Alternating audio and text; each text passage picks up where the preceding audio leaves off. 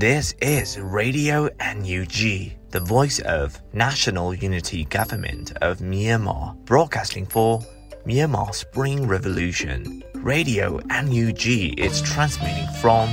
shortwave 16 meter 17.79 megahertz at 8:30 a.m. and 25 meter 11.94 megahertz at 8:30 p.m. Myanmar Standard Time. မင်္ဂလာပါခင်ဗျာ အမျိုးသားညီညွတ်ရေးအစိုးရရဲ့အတန်လွင့်ဌာန Radio NUG ကိုမနက်ပိုင်း၈နာရီခွဲမှာလိုင်းတို16မီတာစက္ကန့်တက်သမ9 MHz ညပိုင်း၈နာရီခွဲမှာလိုင်းတို25မီတာ17တက်သမ6 MHz တို့မှာဓာတ်ရိုက်ဖမ်းယူနိုင်နိုင်ပါပြီမင်္ဂလာအပေါင်းနဲ့ပြည့်စုံကြပါစေအခုချိန်ကစပြီး Radio NUG အစီအစဉ်တွေကိုဓာတ်ရိုက်အတန်လွှင့်ပေးနေပါပြီ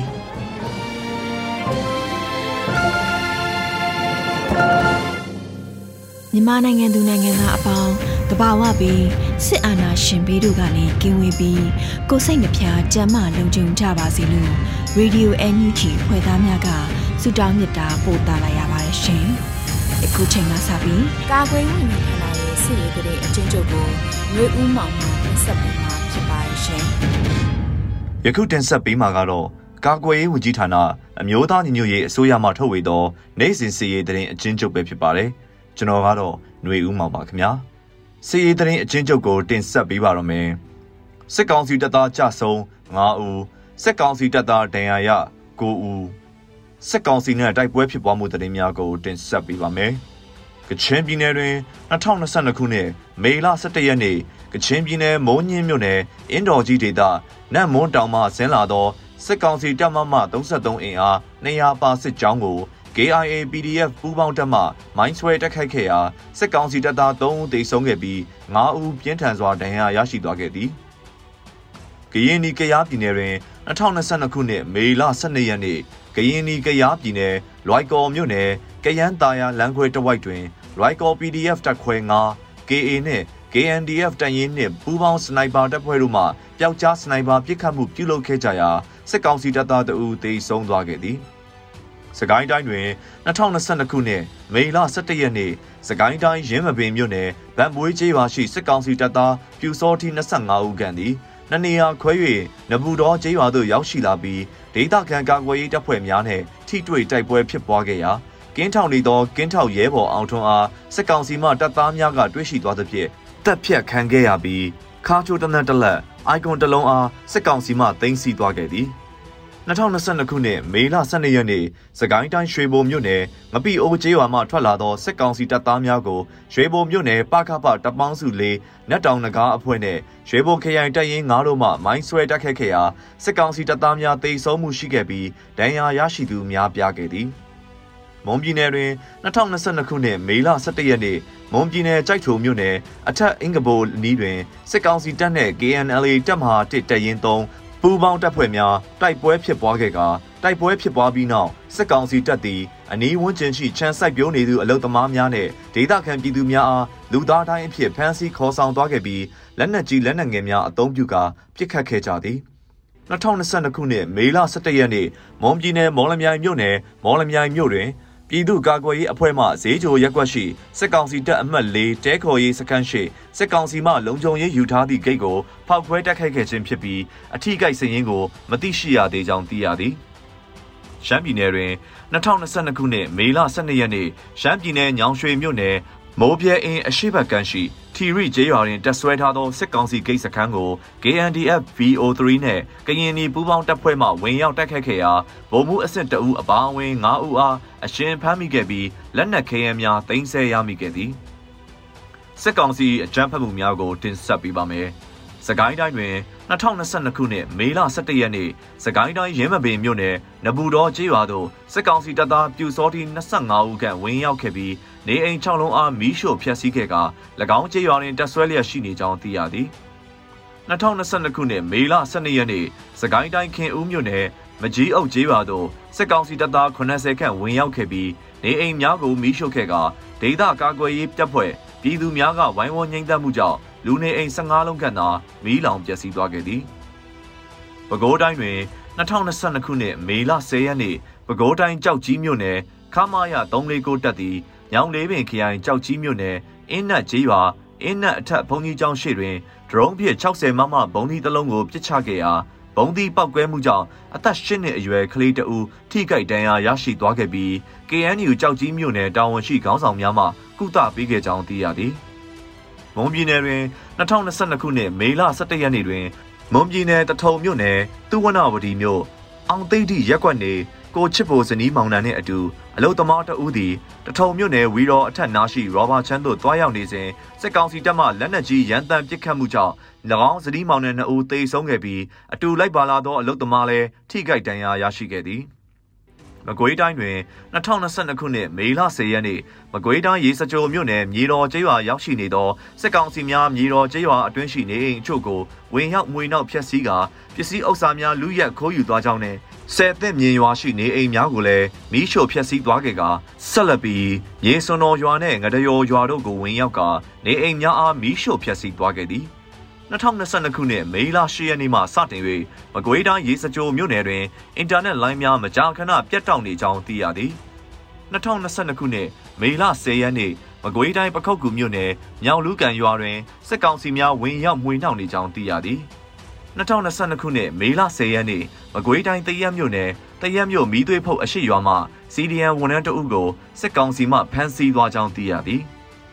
ရှမ်းပြည်နယ်တွင်2022ခုနှစ်မေလ10ရက်နေ့ရှမ်းပြည်နယ်မြောက်ပိုင်းမူဆယ်မြို့နယ်မန်ဟန်ကျေးရွာအုပ်စုမန်ဟန်ရွာကန်များ၏နေအိမ်၁၁လုံးကိုအင်အား90ခန်းရှိစစ်ကောင်စီတပ်ဖွဲ့ဝင်များမှရုတ်တရက်ဝင်ရောက်စစ်ဆေးမှုကြောင့်ရွာကန်များထိတ်လန့်ခဲ့ကြက၃နာရီကြာသည့်အထိနေအိမ်များအားမှွေနှောက်ရှာဖွေစစ်ဆေးခဲ့ကြောင်းသိရသည် ရန်ကုန်တိုင်းတွင်2022ခုနှစ်မေလ17ရက်နေ့ရန်ကုန်တိုင်းတွန်တင်းမြို့နယ်ရေလယ်တစ်လမ်းကိုစစ်ကောင်စီများမှတနက်ဖြန်ပြစ်ဖောက်၍အဲစရင်ဝင်စစ်ခဲ့ပြီးလူငယ်9ဦးကိုအဲစရင်မတိုင်သောကြောင့်ဟူသည့်အကြောင်းပြချက်ဖြင့်ရိုက်နှက်ဖမ်းဆီးသွားခဲ့သည်2022ခုနှစ်မေလ17ရက်နေ့ရန်ကုန်တိုင်းတွန်တင်းမြို့နယ်တီတာအေးရက်ကွက်အိုးဘိုအရှိပိုင်းမှလူငယ်တအုပ်ကိုစစ်ကောင်စီများမှအိမ်တကားရိုက်ဖြတ်၍ဖမ်းဆီးခေါ်ဆောင်သွားခဲ့သည်။အေယာဝတီတိုင်းတွင် 2022ခုနှစ်မေလ12ရက်နေ့အေယာဝတီတိုင်းတာပေါင်းမြို့နယ်တဲဖြူအုပ်စုတန်လျက်စွန်းကျေးရွာရှိကျေးရွာအုပ်ချုပ်ရေးမှူးဖြစ်သူဦးလာမြင့်ခေါ်ဦးကိုမြင့်နဲ့တန်လျက်စွန်းကျေးရွာမှရာအိမ်မှုဦးဝင်းတင်တဲဖြူလေးကျေးရွာမှရာအိမ်မှုဦးမြင့်ကြည်တို့သည်တဲဖြူအုပ်စုအတွင်းရှိကျေးရွာများမှလယ်သမားများအားရခင်အစိုးရလက်ထက်ကိုဗစ်ရောဂါများပြန့်ပွားနေသည့်အချိန်တွင်အတိုးမဲ့ထုတ်ချေးပေးထားသည့်ချင်းငွေများအားအတင်းအဓမ္မချင်းချောက်ကာလိုက်လံတောင်းခံနေကြောင်းနဲ့၎င်းချင်းငွေများကိုပြန်မဆက်ပါက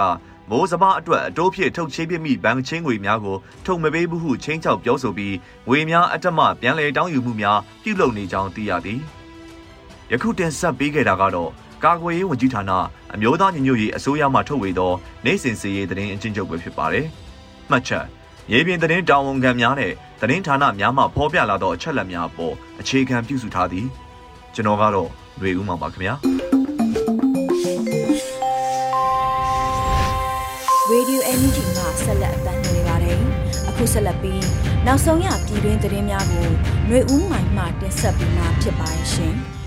။မင်္ဂလာမနက်ခင်းပါရှင်။အခုချိန်ကစပြီး Radio UNG ရဲ့မနက်ခင်းသတင်းများကိုဖတ်ကြားပါရမယ်။ဤသတင်းများကို Radio UNG သတင်းတောင်ခံများနဲ့ခိုင်လုံသောမိဖက်သတင်းရင်းမြစ်များစီမှအခြေခံတင်ပြထားခြင်းဖြစ်ပါရဲ့ရှင်။ကျမຫນွေဦးမိုင်ပါ။ အမျိုးသားညီညွတ်ရေးအစိုးရနိုင်ငံခြားရေးဝန်ကြီးဒေါ်စင်မအောင်နဲ့အမေရိကန်ဒုတိယနိုင်ငံခြားရေးဝန်ကြီးဝင်းဒီရှာမန်တို့တွေ့ဆုံဆွေးနွေးတဲ့သတင်းကိုဥစွာတင်ပြပေးပါမယ်။အမျိုးသားညီညွတ်ရေးအစိုးရနိုင်ငံခြားရေးဝန်ကြီးဒေါ်စင်မအောင်နဲ့အမေရိကန်ဒုတိယနိုင်ငံခြားရေးဝန်ကြီးဝင်းဒီရှာမန်တို့တွေ့ဆုံဆွေးနွေးခဲ့တယ်လို့သိရရှိပါရယ်။မေလ12ရက်ည8:30အချိန်မှာအမေရိကန်နိုင်ငံဝါရှင်တန် DC မှာတွေ့ဆုံတာဖြစ်တယ်လို့အမေရိကန်နိုင်ငံခြားရေးဝန်ကြီးဌာနကထုတ်ပြန်ပါတယ်။ အမျိုးသားညီညွတ်ရေးအစိုးရနိုင်ငံခြားရေးဝန်ကြီးဒေါ်စင်မအောင်ဟာအမေရိကန်နိုင်ငံဝါရှင်တန် DC ကိုမေလ17ရက်နေ့ကလေးကတရားဝင်ရောက်ရှိခဲ့တာဖြစ်ပါတယ်။နိုင်ငံခြားရေးဝန်ကြီးဟာအာဆီယံနိုင်ငံခြားရေးဝန်ကြီးအချို့နဲ့လည်းမြန်မာနိုင်ငံအရေးကိစ္စတွေတွေ့ဆုံဆွေးနွေးကြမယ်လို့လည်းသိရှိရပါတယ်ရှင်။ ဆက်လက်ပြီးစစ်ကောင်စီထံလူသားချင်းစာနာတဲ့အကူအညီပေးဖို့ချင်းကပ်နေတဲ့ပုံစံကိုနိုင်ငံတကာရောက်ပြည်သူတွေက၎င်းပုံစံမဟုတ်ကြောင်းအတန်ထွက်ပေးရန်ပြည်ထောင်စုဝန်ကြီးဒေါက်တာဝဲမြတ်ဤတိုက်တွန်းတဲ့သတင်းကိုတင်ပြပေးပါမယ်။စစ်ကောင်စီထံလူသားချင်းစာနာတဲ့အကူအညီပေးဖို့ချင်းကပ်နေတဲ့ပုံစံကိုနိုင်ငံတကာရောက်ပြည်သူတွေက၎င်းပုံစံမဟုတ်ကြောင်းအတန်ထွက်ပေးရန်ပြည်ထောင်စုဝန်ကြီးဒေါက်တာဝင်းမြတ်အေးတိုက်တွန်းပြောကြားလိုက်ပါတယ်။ လူသားချင်းစာနာထောက်ထားရေးနဲ့ဘေးအန္တရာယ်ဆိုင်ရာစီမံခန့်ခွဲဝန်ကြီးဌာနပြည်ထောင်စုဝန်ကြီးဒေါက်တာဝင်းမြတ်အေးနဲ့တီးသက်မြင့်မြင့်ခန်းတစ်ခုတွင်ဝန်ကြီးကထည့်သွင်းပြောကြားခဲ့ပါတယ်။အခုလိုမျိုးလူသားချင်းစာနာတဲ့အကူအညီကိုစစ်ကောင်စီကိုချင်းကပ်တဲ့ပုံစံမျိုးနဲ့တွားနေတယ်ဆိုတာဒါမဟုတ်ဘူးဆိုတာနိုင်ငံတကာရောက်ပြည်သူတွေကလည်းအတန်ထွက်ဖို့လိုတယ်။ကျွန်တော်တို့ကစန့်ကျင်ဘက်ပြောပြီးလိုက်နှောက်ရှက်နေတာမဟုတ်ဘူး။တကယ်ဒုက္ခရောက်နေတဲ့လူတွေကိုကြက်ကြနနကူညီဖို့ဒါတွေကိုပြောနေရတာလို့ဝန်ကြီးကဆိုပါတယ်။ လူသားချင်းစာနာထောက်ထားရေးနဲ့ဘေးအနေဆိုင်ရာစီမံခန့်ခွဲရေးဝန်ကြီးဌာနနေဖြင့်2021ခုနှစ်ဧပြီလ16ရက်မှ2022ခုနှစ်ဧပြီလ10ရက်နေ့အထိလူသားချင်းစာနာထောက်ထားမှုအကူအညီအတွက်1.3ဘီလီယံကျပ်သုံးစွဲခဲ့ပါတယ်ရှင်။ဆက်လက်ပြီးဒေါ်အောင်ဆန်းစုကြည်ရဲ့ပသိမ်ထီးကန်ဆာမဲလက်မှတ်40ရာခိုင်နှုန်းကျော်ထိရောင်းချထားတဲ့သတင်းကိုဆက်လက်တင်ပြပေးပါမယ်။ ဒေါ်အောင်ဆန်းစုကြည်ရဲ့ပသိမ်ထီးကန်ဆာမဲလက်မှတ်40ရာခိုင်နှုန်းကျော်ထိရောင်းချထားပြီးပြီလို့သတင်းရရှိပါရယ်။မေလတွင်းမှာပသိမ်ထီးကန်ဆာမဲလက်မှတ်ရောင်းချနိုင်ရေးနှိုးဆော်သူမပန်ဆယ်လိုကဆိုထားပါရယ်။မင်းအောင်လှိုင်အိမ်ရှယ်ယာကိုအမုန်းတရားနဲ့ဝယ်ကြသလိုအမေထီးလက်မှတ်တွေကိုချစ်ချင်းမေတ္တာနဲ့ဝယ်ကြဖို့လိုပါတယ်။မျော်မှန်းချက်40ရာခိုင်နှုန်းကျော်ထိအောင်မြင်ထားပြီးဖြစ်ပေမဲ့100ရာခိုင်နှုန်းထိအောင်မြင်ဖို့တယောက်တလက်အားပေးလိုက်ကြရအောင်ပါ။လက်မှတ်တစ်ဆောင်ကိုအပန်းမကြီးလှတဲ့ ဒေါ်လာ30နှုန်းနဲ့ပါပါဝင်အားဖြည့်နိုင်ပါပြီလို့ဆိုထားပါတယ်။ဒေါ်အောင်ဆန်းစုကြည်ရဲ့ပသိမ်ထီးကန်ဆာမဲလက်မှတ်တွေကို1 million in 1 month campaign နဲ့ရောင်းချရာတစ်ပတ်အတွင်းအယောင်ရလက်က24,582ဆောင်ဖြစ်ပါတယ်။နိုင်ငံအလိုက်မှာတော့စင်ကာပူက9285ဆောင်နဲ့ဦးဆောင်နေပြီးကြံထိတ်ဆုံး၄နိုင်ငံအနေနဲ့မြန်မာပြည်တွင်းက4222 US က3843 UK က2181နဲ့ ဩစတြေးလျက1380ဆောင်ကန်ဆာမဲလက်မှတ်များဝယ်ယူထားတယ်လို့သိရပါဗျ။မဲလက်မှတ်တန်ဖိုးကတော့တဆောင်ကိုဒေါ်လာ30ဖြစ်ပြီးရရှိလာတဲ့မဲရောင်းရငွေရဲ့80ရာခိုင်နှုန်းကို NUG အစိုးရရဲ့အနောက်မြောက်ဒေသလွတ်မြောက်နေမြေတွေကိုထိန်းချုပ်နေမြေဖြစ်ဖော်ဆောင်ရမှာအသုံးပြုသွားမှာဖြစ်ပြီးကြံတဲ့30ရာခိုင်နှုန်းကိုတော့ခုခံဆက်ဆင်နွှဲနေတဲ့အဖွဲ့အစည်းတွေကိုပေးပို့သွားမှာဖြစ်ပါရဲ့ရှင်။ ဆက်လက်ပြီးရွေးကောက်ပွဲအသစ်ကျင်းပရန်ကြိုးပမ်းနေမှုမှန်သမျှမဲဆန္ဒရှင်ပြည်သူများ၏ဆန္ဒနဲ့ညီစန့်ကျင်ကန့်ကွက်ကြောင်းပြည်내နဲ့တိုင်းလွှတ်တော်ကိုစားပြုကော်မတီများကသဘောထားကြေညာချက်ထုတ်ပြန်တဲ့သတင်းကိုတင်ပြပေးပါမယ်။ရွေးကောက်ပွဲအသစ်ကျင်းပရန်ကြိုးပမ်းနေမှုမှန်သမျှမဲဆန္ဒရှင်ပြည်သူများ၏ဆန္ဒနဲ့ညီစန့်ကျင်ကန့်ကွက်ကြောင်းပြည်내နဲ့တိုင်းလွှတ်တော်ကိုစားပြုကော်မတီများကသဘောထားကြေညာချက်ထုတ်ပြန်လိုက်ပါတယ်။ မေလ12ရက်နေ့မှာပြည်내နဲ့တိုင်းလွှတ်တော်ကိုစားပြုကော်မတီများ၏ပူးတွဲသဘောထားထုတ်ပြန်ခဲ့ပါတယ်။ပြည်သူတို့ဆန္ဒမဲဖြင့်ကိုစားပြုခွင့်ရရှိထားသောလွှတ်တော်ကိုယ်စားလှယ်များနဲ့လွှတ်တော်ကိုစားပြုကော်မတီများအနေဖြင့်2020ပြည့်နှစ်ပါတီစုံအထွေထွေရွေးကောက်ပွဲရလဒ်ကိုပြစ်ပေးစေရန်ရည်ရွယ်ချက်ဖြင့်ဥပဒေနဲ့ညီညွတ်ခြင်းလုံးဝမရှိသည့်ရွေးကောက်ပွဲအသစ်ကျင်းပရန်ကြိုးပမ်းနေမှုမှန်သမျှအဆိုပါကြိုးပမ်းနေမှုများ၌ စစ်ကောင်စီနှင့်ပူးပေါင်းပါဝင်သည့်ပုဂ္ဂိုလ်အဖွဲ့အစည်းမှန်သမျှကိုမဲဆန္ဒရှင်ပြည်သူများ၏ဆန္ဒနှင့်ညီစန့်ကျင်ကန့်ကွက်ပါရလို့ဖော်ပြထားပါသည်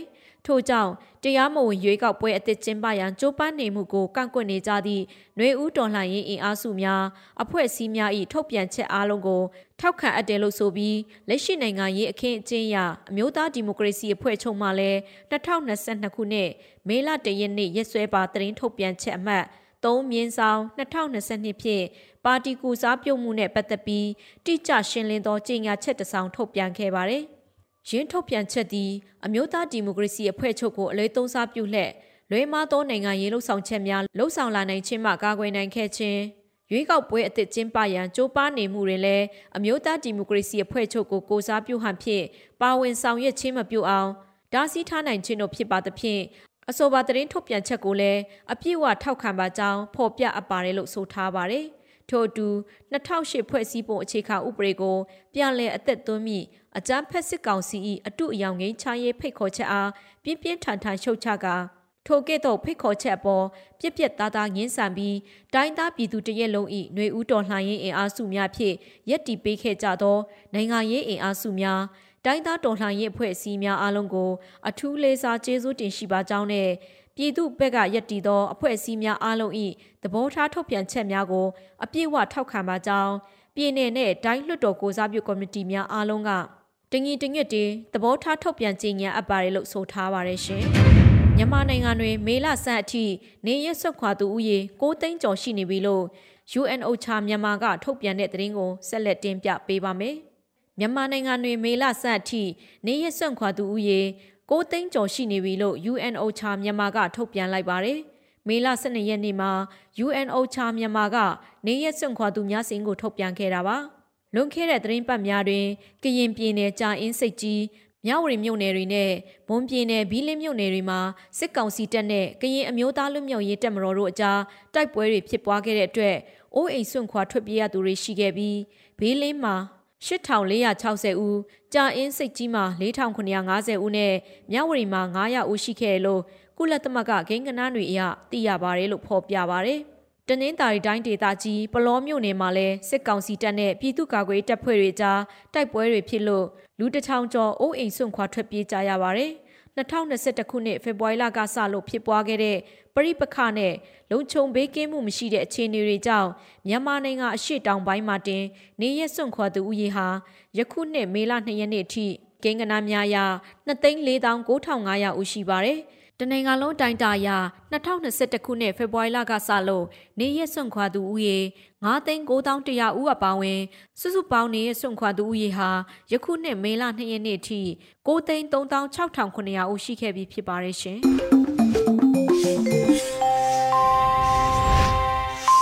Radio NUG မှာဆက်လက်အသံလွှင့်နေပါတယ်။အခုဆက်လက်ပြီးပြည်သူခုခံတော်လှန်စစ်တရေများကိုလူဦးလင်းအိမ်မှတင်ဆက်ပေးမှာ ဖြစ်ပါတယ်ရှင်။ပထမဆုံးအနေနဲ့ကရင်ပြည်နယ်မှာစစ်ကောင်စီရှင်နန်းကိုဇက်တိုက်မိုင်းဆွဲတိုက်ခိုက်လို့စစ်ကား၅စီးထပ်မံပျက်စီးပြီးတိစုံမှုများနိုင်တဲ့တဲ့ရင်ကိုတင်ဆက်ပေးပါမယ်။ကရင်ပြည်နယ်တွင်စစ်ကောင်စီရင်နန်းကို KNDF တပ်ရင်း16နဲ့ကရင်တပ်မတော် KA တို့ပူးပေါင်းပြီးဇက်တိုက်မိုင်းဆွဲတိုက်ခိုက်မှုတွေလှုပ်ဆောင်နေကစစ်ကား၅စီးထပ်မံပျက်စီးပြီးစစ်သားတိစုံမှုများနိုင်ကြောင်း KNDF ကတရားဝင်သတင်းထုတ်ပြန်ပါတယ်။ အလားတူမေလ၄ရက်နေ့ကလည်းစစ်ကောင်စီရင်နှန်းကို KNDF V16 နဲ့ KA တို့ပူးပေါင်းပြီးမိုင်းဆွဲတိုက်ခိုက်လို့စစ်ကားနှစ်စီးပျက်စီးသွားကစစ်ကောင်စီတပ်ဗမှတိတ်ဆုံးမှုများရှိနိုင်ကြောင်းသိရှိရပါတယ်။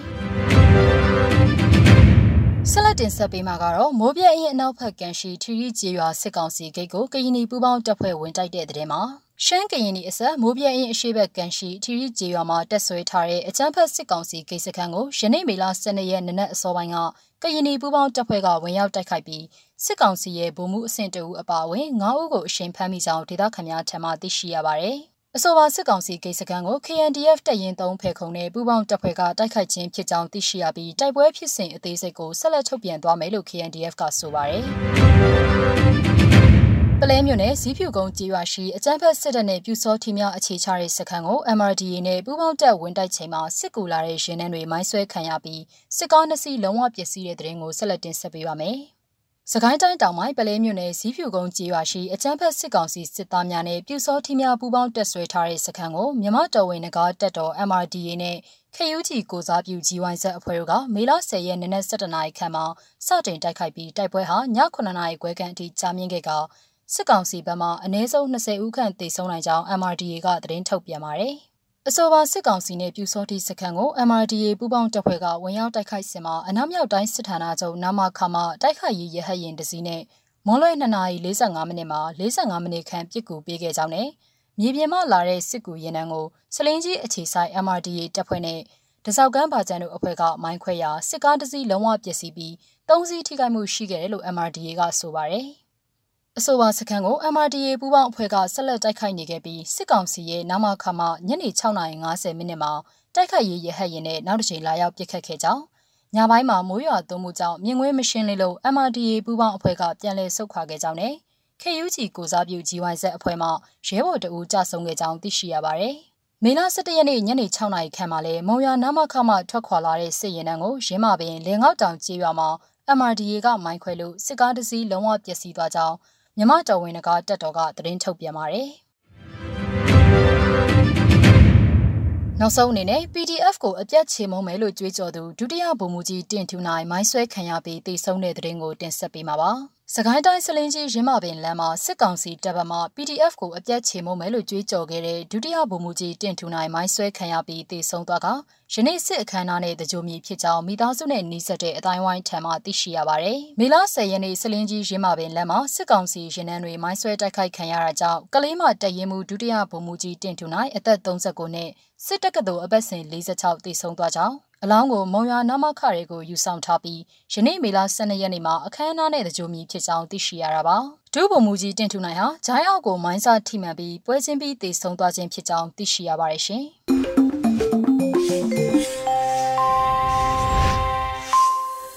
Radio NUG မှာဆက်လက်အသံလွှင့်နေပါတယ်အခုဆက်လက်ပြီးနေ့စဉ်သတင်းများကိုမျိုးတော်တာမှတင်ဆက်ပေးမှာဖြစ်ပါတယ်ရှင် ပထမဆုံးတင်ဆက်မဲ့သတင်းကတော့မလေးရှားနိုင်ငံသားရေးဝန်ကြီးနဲ့အမျိုးသားညွရေးအစိုးရနိုင်ငံသားရေးဝန်ကြီးဒေါ်စင်မာအောင်တို့ရပ်ပိုင်းအတွင်းတဲဝင်တွေးဆုံမယ်ဆိုတဲ့သတင်းပဲဖြစ်ပါတယ်။မလေးရှားနိုင်ငံသားရေးဝန်ကြီးဖြစ်သူစိုက်ဘူတင်အဘဒူလာကအမျိုးသားညွရေးအစိုးရနိုင်ငံသားရေးဝန်ကြီးဌာနပြည်ထောင်စုဝန်ကြီးဒေါ်စင်မာအောင်နဲ့လာမယ့်ရပ်ပိုင်းအတွင်းမှာတဲဝင်တွေးဆုံသွားဖို့ရှိပါတယ်။ မလေးရှားနိုင်ငံသားရေးဝန်ကြီးဖြစ်သူစိုက်ဖူတင်အဘဒူလာနဲ့နိုင်ငံသားရေးဝန်ကြီးတော်စင်မအောင်တို့တွေ့ဆုံမဲ့ရက်ကမေလ14ရက်စနေနေ့ဖြစ်တဲ့ဆိုပြီးတော့ RFA သတင်းဌာနကဖော်ပြထားပါတယ်။ မလေးရှားနိုင်ငံသားရေးဝန်ကြီးဖြစ်သူစိုက်ဖူတင်အဘဒူလာကကျွန်တော်အနေနဲ့ဒေါ်စင်မာအောင်ကိုအသိပေးပြောကြားလိုတာကတော့မလေးရှားအစိုးရနဲ့မလေးရှားပြည်သူတွေဟာမြန်မာပြည်သူတွေကိုအစဉ်အမြဲထောက်ခံအားပေးနေတယ်ဆိုတာပါပဲကျွန်တော်တို့အနေနဲ့အသွယ်ဝိုက်ပြီးဖြစ်စေအလွတ်သဘောဖြစ်စေသူနဲ့သူတို့အဖွဲ့ NUG ကိုအကူအညီပေးချင်ပါတယ်ဒါပြင်ကျွန်တော်အနေနဲ့လည်းသူပြောမဲ့စကားတွေကိုနားထောင်ချင်ပါတယ်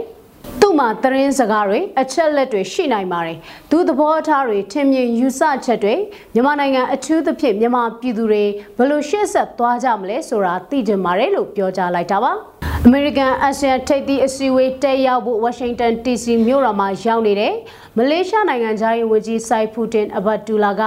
Winner News သတင်းဌာနနဲ့တွေ့ဆုံရမှာအခုလိုပြောကြားခဲ့တာပါ။ မလေးရှားနိုင်ငံသားရေးဝန်ကြီးကတော့အာဆီယံနိုင်ငံတွေကိုအမျိုးသားညွရေးအစိုးရနဲ့ထိတွေ့ဆက်ဆံမှုတွေလုပ်ကြဖို့အတွက်တိုက်တွန်းထားပါသေးတယ်။ဆက်လက်တင်ဆက်မဲ့တရင်ကတော့ထိန်းချုပ်ခိုင်းစေမှုတွေကြောင့်စိတ်မပါတဲ့တိုက်ပွဲကိုတိုက်နေရတဲ့အတွက်အကြမ်းဖက်စစ်ကောင်စီတပ်တွေအကြအဆုံးများလာတယ်လို့ဂေါဘရာစစ်ကြောင်းမှုကပြောကြတဲ့တရင်ပဲဖြစ်ပါတယ်။ ထိန်းချုပ်ခိုင်းစေမှုတွေကြောင့်စိတ်မပါတဲ့တိုက်ပွဲကိုတိုက်နေရတဲ့အတွက်ပြည်သူခုခံတွန်းလှန်စစ်ကိုမရှင်နိုင်ပဲအကြမ်းဖက်စစ်ကောင်စီတပ်တွေအကြဆုံးများလာတယ်လို့ဂေါဘရာစစ်ကြောင်းစစ်ကြောင်းမှုဖြစ်တဲ့ဗိုတာဘောက PVTV ကိုပြောပါရယ်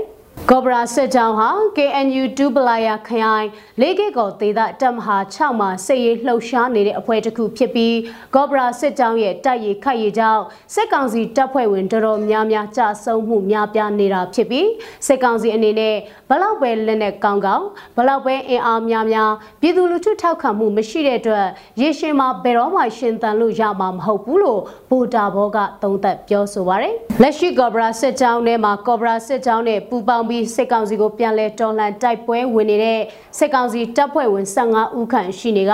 သူတို့တွေဟာနာနာကြီးကြီးနဲ့စစ်ကောင်စီကိုရဲရဲဝံ့ပြန်လဲတော်လှန်တိုက်ခိုက်နေတာတွေကောဘရာစစ်ကြောင်းကိုယ်ထဲမှာရှိနေတဲ့စစ်ကောင်စီတပ်တွေအားလုံးဟာတပ်ကနေစွန့်ခွာဖို့နဲ့အာနာရှင်လက်အောက်ကနေရုံးထွက်ဖို့လမ်းစာရှာနေကြတယ်လို့ဗိုတာဘောကပြောပါရယ် စစ်ကောင်စီကခေါ်ဆိုနေတဲ့ငြိမ်းချမ်းရေးတွေးဆုံပွဲကအကြမ်းဖက်စစ်ကောင်စီအနေနဲ့ငြိမ်းချမ်းရေးကိုအသုံးချကအတူရောင်ပြတာဖြစ်တဲ့အတွက်စစ်ကောင်စီရဲ့ငြိမ်းချမ်းရေးခေါ်ဆိုမှုအပေါ်အယုံအကြည်မရှိဘူးလို့လည်းဗိုတာဘောကသုံးသပ်ပြောဆိုပါရယ်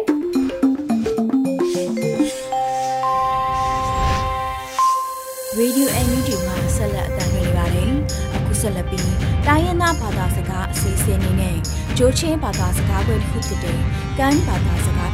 ဖြင့်သတင်း ထုတ်လွှင့်မှုကိုတင်ဆက်ပေးမှာဖြစ်ပါတယ်ရှင်။ဒီအစီအစဉ်ကိုရေဒီယိုအန်ယူဂျီနဲ့ဂျိုးချင်းဘာသာစကားထုတ်လွှင့်မှုအစီအစဉ်အဖွဲ့တို့မှပူးပေါင်းထုတ်လွှင့်ရဆက်ပေးတာဖြစ်ပါတယ်ရှင်။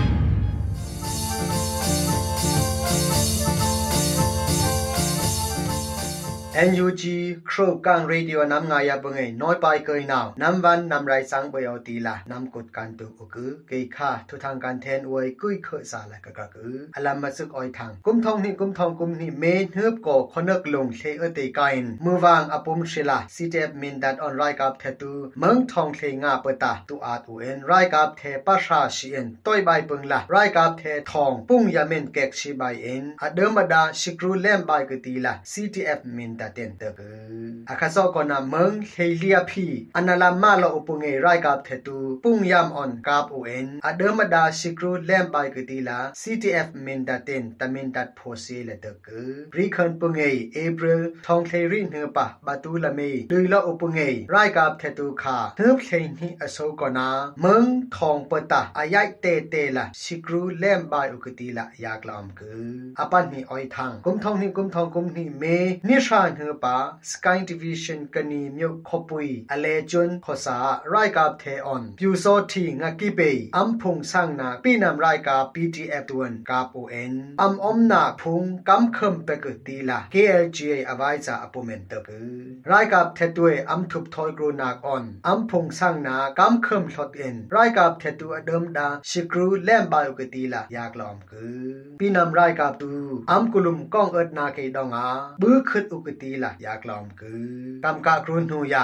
120 mm สัมปกเมออนนามี35กะกรุนักวันยองออนนิกาปูเอ็นปีนำไรกับอปุมเล่มกุตีละจากลงจี KLG ปีนำไรกับอปุมเอนตะกืออาปัทุมออยทางไรกับเทตุยอัมเบยปุยมีนอองไทงคาปีนาเมขอรูปงละกระเอ National Unity Government NUGN อาอิมย่อยเปกือยันกงอินเลียลำชนะมัดเคลีมีนอองไทงเอทุบวาเปอิม NUGN ยอยเปเอ็นเมเคเอินฮึบชิลเฮึบงาขุยาอเมริกันดอลลาร์3 million รากตียากลอมกืออาคาโซเออิมเลอุปงขุยารัมดังครางอลูเซนตูพีปาอูเอ็นบูมทุมาบูมเอิดย่อยละอมเคินกือเตียอมอง National Unity Government Ministry of Planning Finance and Investment Minister อูติงทวนนังเอ็นเดกือเมนเอาแทงเออารูเกโซอิมคาปีนาเมขอละกราเอ็น National Unity Government NUGN American dollar 10 millions la aphu khin en share apum dollar phrala aphu khin kitila yaklom ku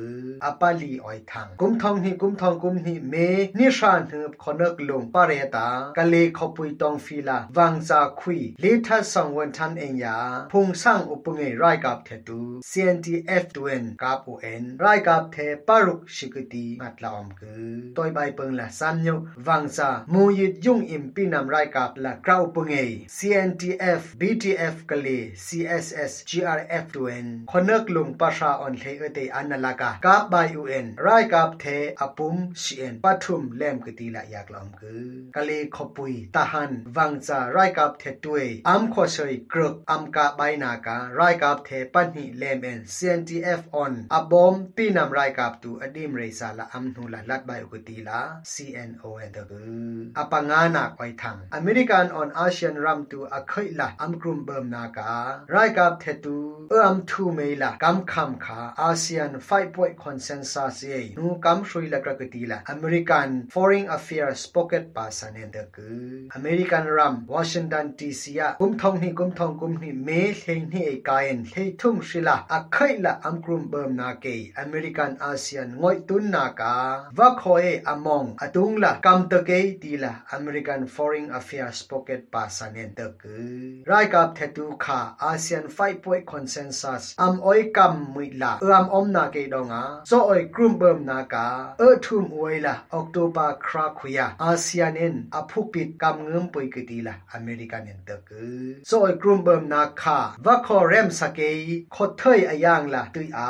hu ei la koi vai pung tu on hu krua va kho democracy shing tho ba ye kho khui khi upung e pi nam tu ดึงได้ปุงเอออยครานักอ่อนบอมนักเปเกลากระกตีลา American Foreign Affairs Pocket ปาสันเนตกือ NUG โครกังรีติโอนำงายปุงเอน้อยไปเกยนาอวันไรเชิมเชิมอุนอมหู